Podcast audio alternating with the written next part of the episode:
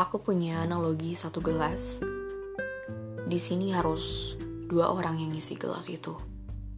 Untuk penuh dan untuk mereka berdua minum. Kalau cuma satu orang yang ngisi gelas itu,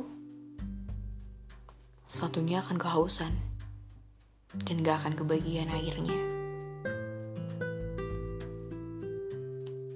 Ya, ini adalah analogi sebuah hubungan. Yang jika salah satunya masih egois dan tidak memikirkan satunya lagi, itu akan kacau. Benar-benar kacau.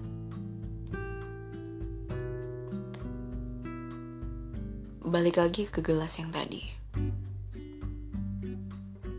Kalau dua-duanya saling menuhin gelas tersebut, mereka berdua bisa saling minum, saling berbagi, dan saling merasakan.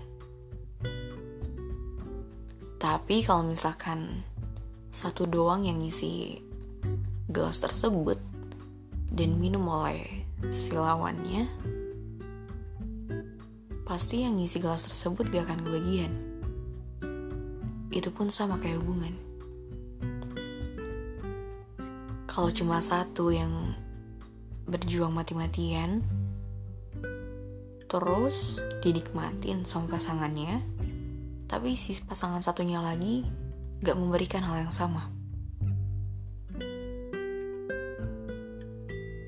Hubungan itu dan si gelas yang tadi gak akan bertahan lama. Akan pelan-pelan retak dan pecah.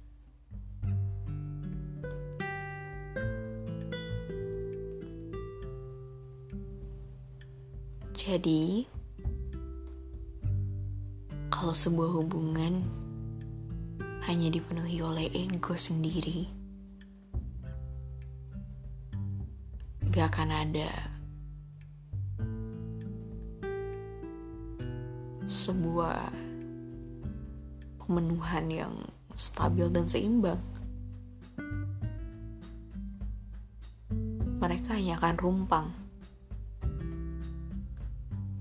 dan akan retak pada waktunya. Coba kau pikir lagi. Ketika kau dan dia bisa saling melengkapi, bisa saling memahami dan memberi, akan banyak perbedaan. Akan banyak yang dirasa berbeda ketika melakukan itu.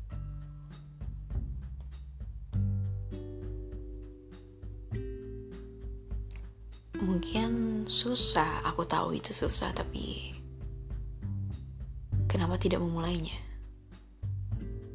Kenapa tidak mulai dahulu? Kenapa harus ego yang didahulukan? Sampai kau mungkin akan tersadar sewaktu gelas itu sudah pecah.